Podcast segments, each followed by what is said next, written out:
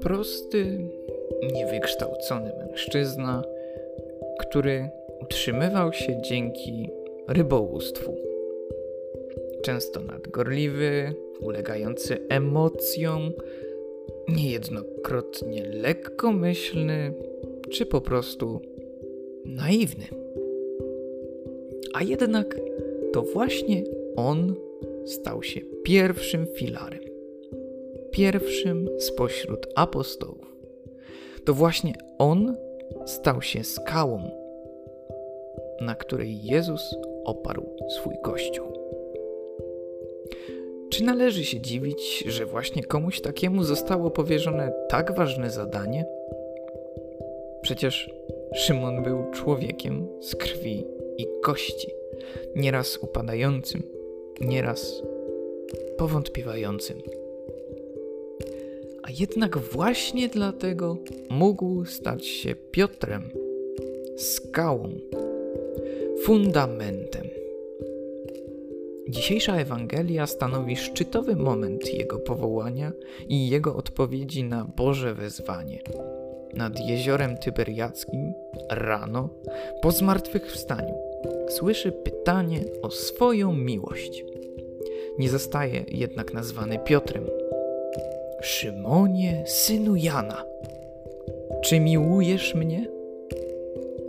Jezus Przypomina mu jego dawne imię, jakby chciał wrócić do początków, do pierwszego spotkania, jakby chciał jeszcze raz przypomnieć mu historię jego powołania.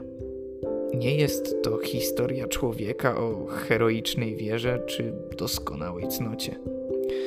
To historia człowieka słabego, który w swoją słabość nie potrafił uwierzyć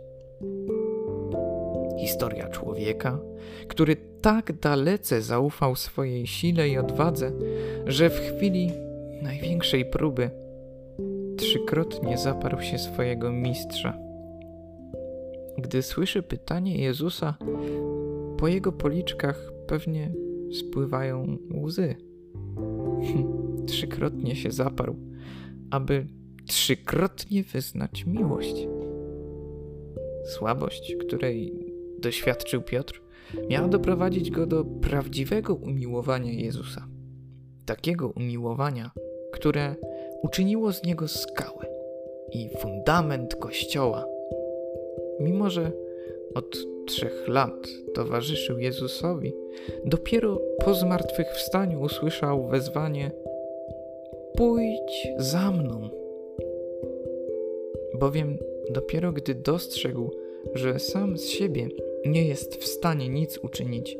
Dopiero gdy uwierzył w swoją słabość, był gotów stać się oparciem dla wszystkich, dla całego Kościoła. Historia Piotra jest historią każdego z nas. Historią naszej ludzkiej słabości.